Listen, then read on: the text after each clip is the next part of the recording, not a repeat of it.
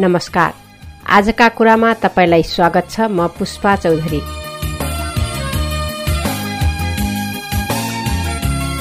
आजको कुरामा हामी विभिन्न मानिसका भोगाई उदाहरणीय काम र समसामयिक विषयमा कुराकानी गर्ने गर्छौं। यो कार्यक्रम हरेक दिन बिहान साढे छ बजे रेडियो गुरुबाबा एफएम उनानब्बे दशमलव सात मेगा हजबाट प्रसारण हुने गर्छ। यहाँलाई कार्यक्रममा स्वागत छ। धन्यवाद। परिचयबाट सुरु गरौँ सर। मेरो नाम महेन्द्र राजु आगले। म डिभिजनल वन अधिकारी डिभिजन वन कार्यालय बर्दियामा कार्यरत छु। हजुर अब जिल्ला डिभिजन वन कार्यालय बर्दियामा कार्यरत हुनुहुन्छ। खास वनहरू कति प्रकारको हुन्छ? वनहरू व्यवस्थापनको दृष्टिबाट हेर्दाखेरि वनलाई समुदायमा के सरकारद्वारा व्यवस्थित वन र निजी व्यवसाय अथवा निजी व्यक्तिहरूबाट व्यवस्थित वन गरेर अब दुई किसिमबाट हामी हेर्न सक्छौँ। र भू स्वामित्वको हिसाबबाट हेर्दाखेरि चाहिँ अब भू स्वामित्व नेपाल सरकारसँग रहेको वनलाई हामी राष्ट्रिय वन भन्छौँ भने त्यसै निजी जग्गाहरूमा लगाएको वनलाई हामी निजी वन भन्ने गर्छौँ। व्यवस्थापनको दृष्टिबाट जुन वनहरू छन् हामीसँग समुदायमा आधारित वनहरू छन् राष्ट्रिय वनहरू छन् समुदायमा आधारित वनभित्र पनि कोही सामुदायिक वन छन् साझेदारी वन छन् त्यस्तै कम्युनिटी वन छन् धार्मिक वन छन् यसरी वनलाई व्यवस्थापनको दृष्टिबाट र चाहिँ भू स्वामित्वको दृष्टिबाट हामीले चाहिँ फरक फरक दृष्टिकोणबाट हेर्नुपर्ने हुन्छ। त्यस कारणले वन चाहिँ व्यवस्थापकीय हिसाबले हेर्दाखेरि वनका प्रकारहरू धेरै देखिन्छन् तर भू स्वामित्वको हिसाबले हेर्दाखेरि वन चाहिँ दुई किसिमको एउटा राष्ट्रिय वन एउटा निजी वन। अब यो जुन वन वन सामुदायिक वन भन्छ अब हजुरले पनि अब वन धेरै प्रकारको कुरा गर्नुभयो। सामुदायिक वनबाट हुने फाइदाहरू के के हुन्? अब सामुदायिक वनबाट त वास्तवमा जनतालाई हाम्रो चाहिँ जीवन पद्धति एउटा कृषिमा आधारित कृषि र वन बिचमा चाहिँ एकदम अनुन्याश्रित सम्बन्ध छ। किन भन्दा हामीले जति पनि आफ्नो खेतीबारीहरूमा खेती उत्पादन गर्छौँ अन्नबालीहरू लगाउँछौँ त्यसको लागि हामीलाई चाहिँ मल चाहियो। मलको लागि हामीलाई चाहिँ गाईबस्तु पाल्नु पर्यो। गाईबस्तु पाल्नको लागि उसलाई चाहिने घाँसहरूको अथवा चरण क्षेत्रहरूको व्यवस्थापन हुनु पर्यो। त्यसै गरेर हाम्रो चाहिँ अहिलेको नेपालको परिवेशमा हाम्रो चाहिँ समाज प्राय चाहिँ सबै सम्पन्न वर्ग छैनन्। त्यस्तै उहाँहरूलाई चाहिँ आफ्नो दैनिक रूपमा दाउरा नै उहाँहरूलाई चाहिँ एउटा इन्धनको स्रोतको रूपमा उहाँले चाहिँ आफ्नो खाना बनाउन त्यस्तै गाईबस्तुको लागि जुन कुँडो भन्छौँ हामी त्यस्तो पकाउनको लागि पनि हामी चाहिँ दाउरा नै प्रयोग गर्ने अवस्था छ। साथसाथै नेपालमा जति पनि हाम्रो चाहिँ बस्तीहरू छ त्यो बस्तीमा गाईबस्तु पनि पालेको अवस्था त्यस्तै गाई बाख्राहरू पाल्नको लागि त्यसलाई गोठ बनाउनु पर्ने परालको लागि टौवा बनाउनु पर्ने घरहरू पनि कच्ची टाइपको हुँदाखेरि वर्षेनी हामीलाई घरहरू मर्मत गरिराख्नु पर्ने यावत कुराहरू त्यस्तै वनबाट विभिन्न जडीबुटीहरूलाई हामीले चाहिँ औषधिको रूपमा प्रयोग गर्ने। माछा को रूपमा हामीले चाहिँ वनभित्र रहेका खोलाहरूबाट पनि माछाहरू चाहिँ हामीले चाहिँ ल्याउने त्यस्तै विभिन्न फलहरू हामीले चाहिँ सङ्कलन गर्ने। यी विभिन्न फाइदाहरू हामीले चाहिँ सामुदायिक वनहरूबाट लिइराखेका छौँ। त्यस कारणले हामी भन्न सक्छौँ सामुदायिक वन बिना हाम्रो चाहिँ ग्रामीण समुदायमा ग्रामीण जनताहरूको चाहिँ जीवन असम्भव छ। किन भन्दा वन पैदावार नै उहाँहरूको लागि चाहिँ सधैँ दिनानुदिन चाहिने चाहिँ एउटा चाहिँ नियमित स्रोत उहाँहरूलाई चाहिँ व्यवस्थापन गर्ने माध्यम भनेकै सामुदायिक वन हो। त्यस्तै त्यसैले गर्दाखेरि सामुदायिक वनबाट जनताहरूलाई चाहिँ धेरै किसिमको फाइदाहरू लिइराख्नु भएको छ। त्यस्तै गरेर सामुदायिक वनले एउटा चाहिँ वातावरणलाई अनुकूलित गर्नको लागि एउटा महत्त्वपूर्ण भूमिका खेलेको हुन्छ। जुन वातावरण हामीले चाहिँ अन्य ठाउँहरूमा चाहिँ त्यस किसिमको वातावरण पाउनको लागि ठुलो खर्च गरेर एउटा चाहिँ वनको स्थापना गर्नुपर्ने अवस्था हुन्छ। त्यस कारणले सामुदायिक वनबाट यसको चाहिँ फाइदालाई हामीले चाहिँ एउटा कुनै सानो चाहिँ हिसाबले आकलन गर्न सक्दैनौँ किन भन्दा यसको फाइदा बृहत्तर छ। स्थानीय स्तरमा राष्ट्रिय स्तरमा र अन्तर्राष्ट्रिय स्तरमा नै यसको फाइदा भएको हुनाले यसको फाइदालाई हामीले चाहिँ त्यसरी मूल्याङ्कन गर्नुपर्ने हुन्छ। हजुर। यो जुन सामुदायिक वनबाट धेरै फाइदाको कुरा त यहाँले गर्नुभयो। सरकारले पनि सामुदायिक सरकारले पनि सामुदायिक वन मात्रै होइन सबै वनहरू संरक्षण गर्नुपर्छ वन बचाउनुपर्छ भन्ने सरकारको पनि राज्यको पनि उद्देश्य छ। तर फेरि पनि सामुदायिक वन लगायत वनहरू अब वनहरू अतिक्रमण भइरहेको अवस्था छ। अब वनको छेउछाउमा बसेको वन अतिक्रमण गरेर सुकुम्बासीहरू बसेको फेरि त्यही ठाउँमा जग्गा दिने भन्ने कुराहरू पनि अब बसिरहेको ठाउँमा जग्गा दिने भन्ने कुरा पनि आइरहेछ। यसलाई हामी कसरी बुझ्ने त? अब यहाँले सही कुरा गर्नुभयो। अब वनबाट यति धेरै फाइदा हुँदा हुँदै पनि वनलाई चाहिँ हामीले फेरि चारैतर्फबाट वन नै हामीले चाहिँ यसको वनको अतिक्रमण भइरहेको हामीले अवस्था देखेका छौँ।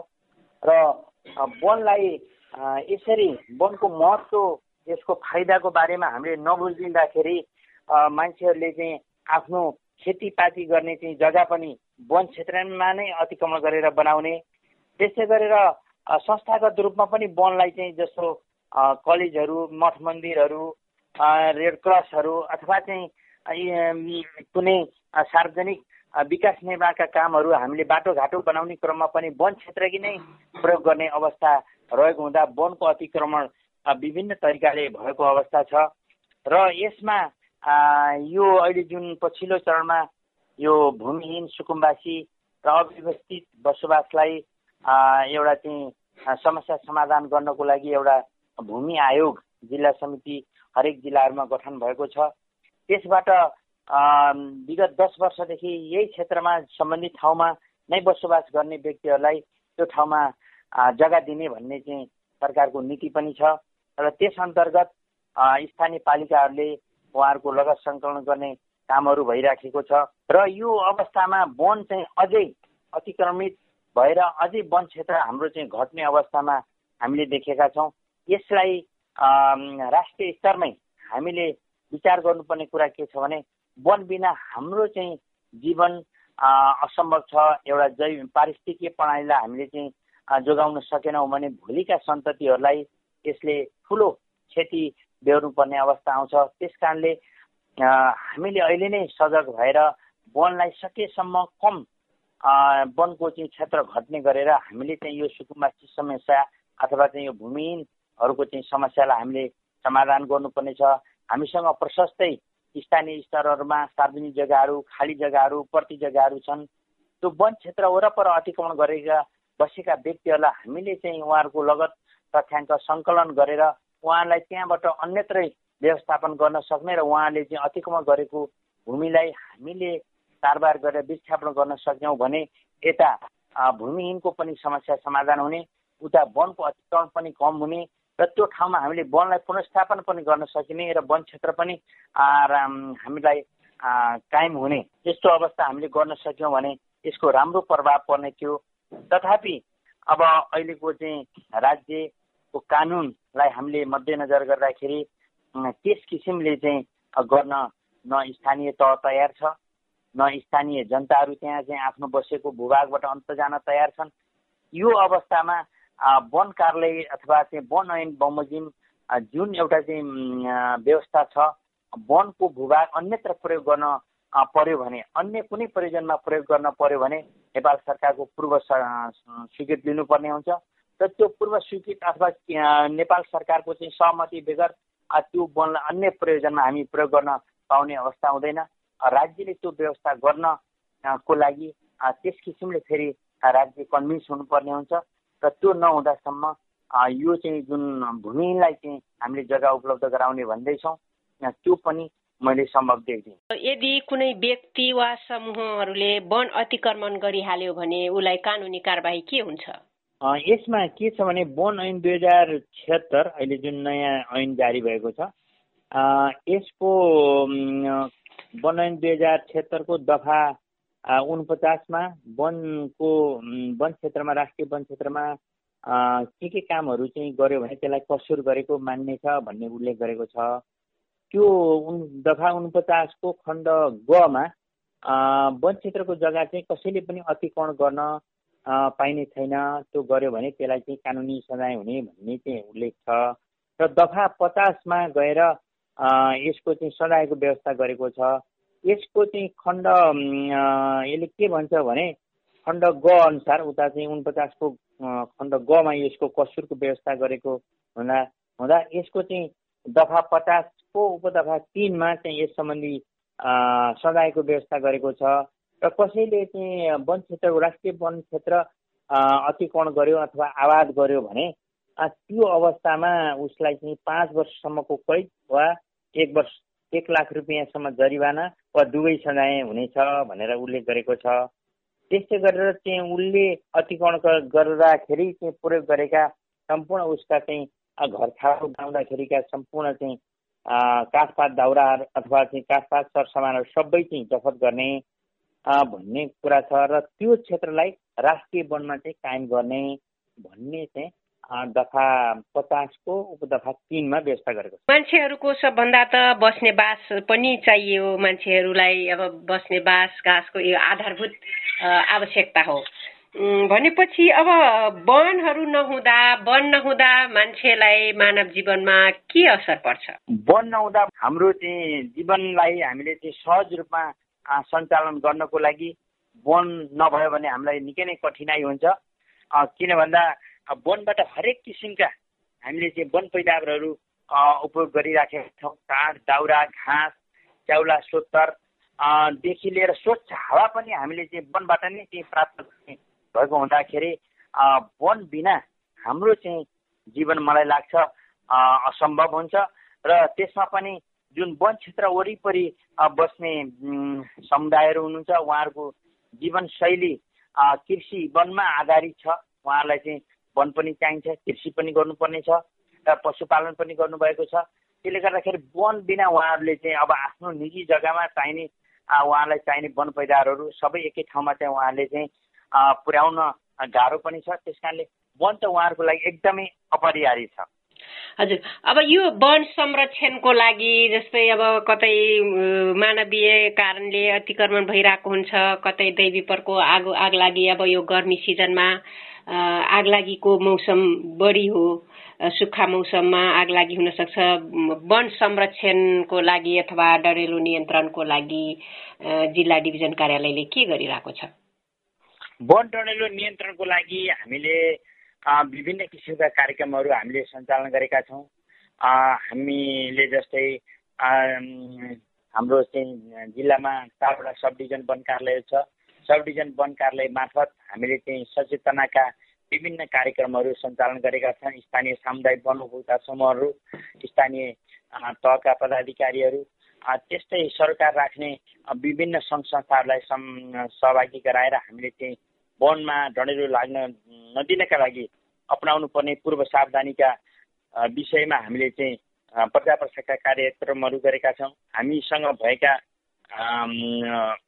अग्निरेखा भन्छौँ हामीले वनपथहरू।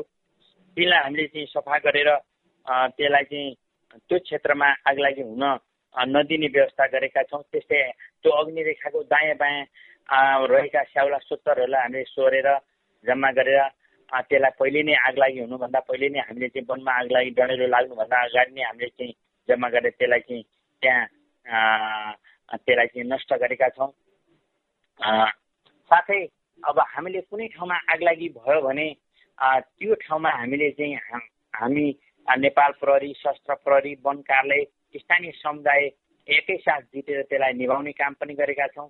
स्थानीय रेडियो र पत्र पत्र पत्रिका मार्फत हामीले चाहिँ वनमा आगो नलगाउँ वनको चाहिँ जगेर्ना गरौँ। वनमा आगो लाग्यो भने जैव विविधतादेखि लिएर सम्पूर्ण वनस्पतिहरूको चाहिँ नष्ट हुन्छ वन्यजन्तुको वासस्थानको नष्ट हुन्छ वनको क्षयकरण वनको चाहिँ विनाश हुन्छ यसले उत्पादन र उत्पादकत्वमा घटाउँछ र हामीलाई वन पैदाहरूको अभाव हुन्छ। साथसाथै जलवायु परिवर्तनमा पनि यसले नकारात्मक असर पर्ने र विपदका विभिन्न किसिमका घटनाहरू हामीलाई चाहिँ बेहोर्नु पर्ने हुन्छ।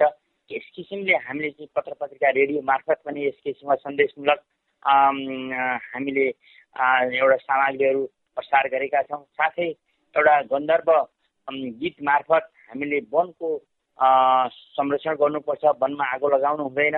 यसबाट धेरै किसिमको चाहिँ हानि क्षति हामीले बेहोर्नु पर्ने हुन्छ र पारिस्थितिक प्रणालीको चाहिँ एउटा खलल भयो भने फेरि त्यसको नकारात्मक असर हामीले नै बेहोर्नु पर्ने हुन्छ। र हाम्रो भावी पुस्ताले पनि यसको चाहिँ अहिले गरेको गल्तीलाई हामीले चाहिँ आउने पुस्तालाई पनि यसले चाहिँ असर पार्ने हुनाले यसलाई संरक्षण वनको संरक्षण गर्ने सबैजना जुट्नुपर्छ। भन्ने किसिमले हामीले चाहिँ सचेतनाका गोष्ठीहरू गरेका छौँ।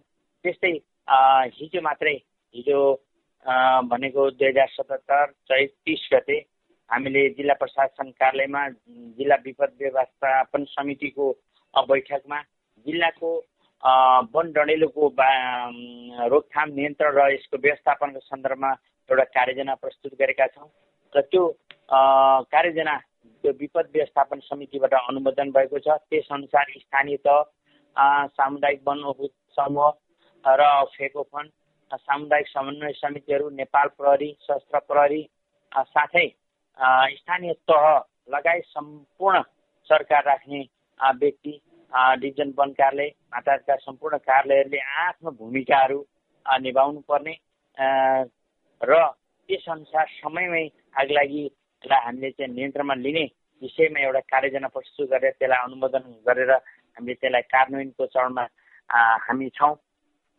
र यसरी वनमा कोही कसैले आग लागि गर्यो अथवा गरायो अथवा त्यसको बारेमा सूचना दिएर सम्बन्धित व्यक्तिलाई हामीले चाहिँ पक्राउ गर्न सक्यौँ भने ऊ व्यक्तिलाई अनुसार तिन वर्षसम्म कैद र साठी हजारसम्म जरिवाना हुने व्यवस्था पनि हामीले चाहिँ त्यस किसिमले सचेतनाको क्रममा भनेका छौँ। र यस किसिमले हामीले चाहिँ चौबिसै घन्टा वनमा कुनै बेला पनि आगो लागि भयो भने हामी सम्बन्धित ठाउँमा पुग्नको लागि तयारी अवस्थामा हामी चाहिँ बसेका छौँ। त्यो अग्नि नियन्त्रण सामग्रीहरू भन्छ त्यसलाई चाहिँ त्यसलाई चाहिँ सुटर भन्छ। त्यसमा पानीको चाहिँ ज्याकेट हो त्यो। पानीको चाहिँ ज्याकेट मतलब थैलो एउटा बोरा जस्तो थैला हो। त्यसमा पानी हामीले चाहिँ राखेका हुन्छौँ बिस लिटर। र त्यो चाहिँ पानीलाई हामीले स्प्रे पम्प जस्तो जस्तो हामीले चाहिँ कीटनाशक औषधिलाई हामीले चाहिँ छर्दाखेरि चाहिँ त्यो पम्पले हान्छौँ। त्यस किसिमले चाहिँ पानीको फोहराहरू त्यो पम्पबाट हामीले चाहिँ त्यो आगो लागेको ठाउँमा हामीले चाहिँ त्यस किसिमले दिन्छौँ। र साथसाथै त्यसमा स्वेटर भन्छ त्यो चाहिँ माथिबाट स्याउलाले हाने जस्तो गरेर पानीको सरी त्यो आगोलाई चाहिँ हामीले निभाउनुको लागि त्यो प्रयोग गर्छौँ। त्यस्तै गरेर ऱ्याकर भन्छौँ हामी। ऱ्याकरले त्यो स्याउलाहरू र अलिक ओल्तिर ओल्तिर तान्ने। र त्यो चाहिँ आगो ल आगो र चाहिँ त्यसपछि त्यो वनलाई त्यहाँ छुट्याउनको लागि चाहिँ त्यो ऱ्याकरहरू प्रयोग गर्छौँ। त्यस्तै बन्चरोहरू त्यसै आँसीहरूको पनि हामीलाई आवश्यकता हुन्छ। किन भन्दा त्यहाँ स्याउलाहरू काट्नुपर्ने कुनै ठाउँमा जराहरू अथवा त्यो कुनै अलिक ठुलो केही अब पऱ्यो भने त्यो अवस्थामा काट्नको लागि त्यस किसिमले औजारहरू पनि हामीले चाहिँ अनि ग्लोब भयो पन्जा अनि ड्रेसहरू पनि हुन्छ। चाहिँ जुन आगोले नजल्ने खालको चाहिँ ड्रेसहरू पनि हामीले व्यवस्था गरेका हुन्छौँ। पन्जा भयो अनि चस्मा भयो हेलमेट भयो यी सामग्रीहरू हो। त्यो बन्डडेरो नियन्त्रण सामग्रीहरूमा। हजुर। यो त भयो आगलागी नियन्त्रण आगलागी भइसकेपछि नियन्त्रण गर्ने सामग्रीहरू। बर्दिया जिल्लामा त धेरै छ वनहरू। कति छ यो? यसको सङ्ख्या कति भनेर भन्न सकिन्छ सर? सामुदायिक वन हामीसँग दुई सय बयासीवटा छ हालसम्म।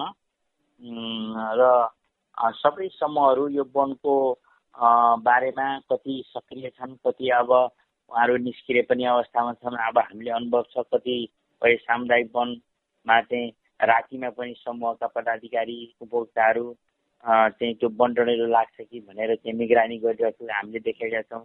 कतिपय समूहहरूमा वन डढेलो लागेको छ तपाईँहरू आउनुहोस् भन्दाखेरि पनि उहाँहरू म फलानु ठाउँमा छु यहाँ छु त्यहाँ छु।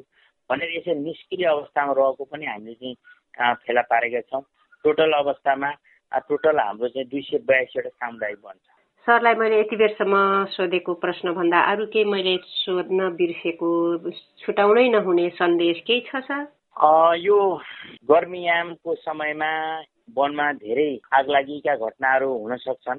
सानो एउटा कुनै आगोको स्रोत पनि वनमा चाहिँ हाम्रो लापरवाहीले हो अथवा हेलचक्राइले होस् अथवा नेटवश होस् कसैले पनि लाग्यो भने लगाइदियो भने त्यसबाट फैलिएर ठुलो क्षति हुन्छ।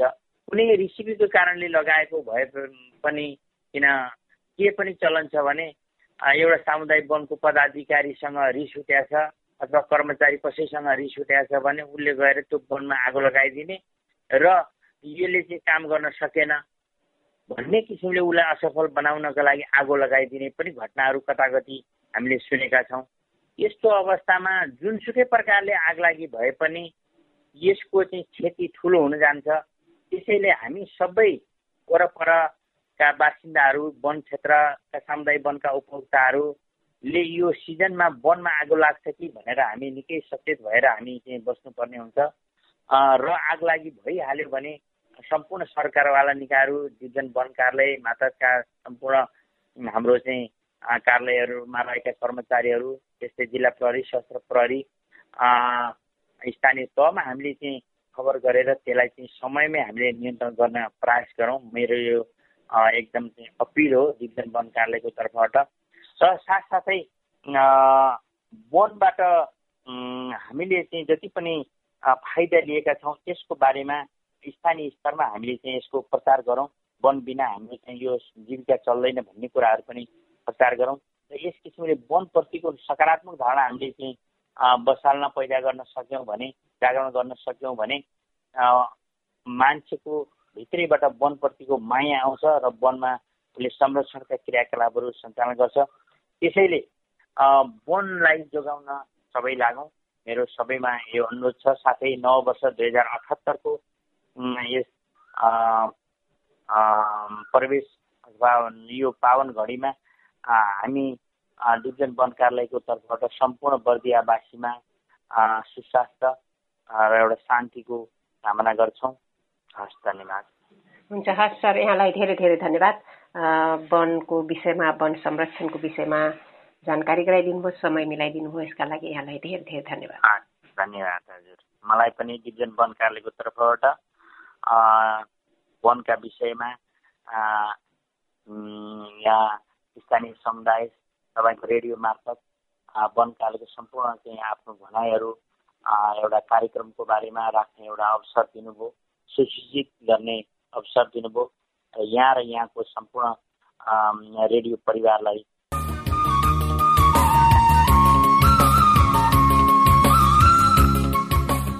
र यति बेरसम्म रेडियो सुनिदिनु भएकोमा तपाईँलाई पनि धन्यवाद।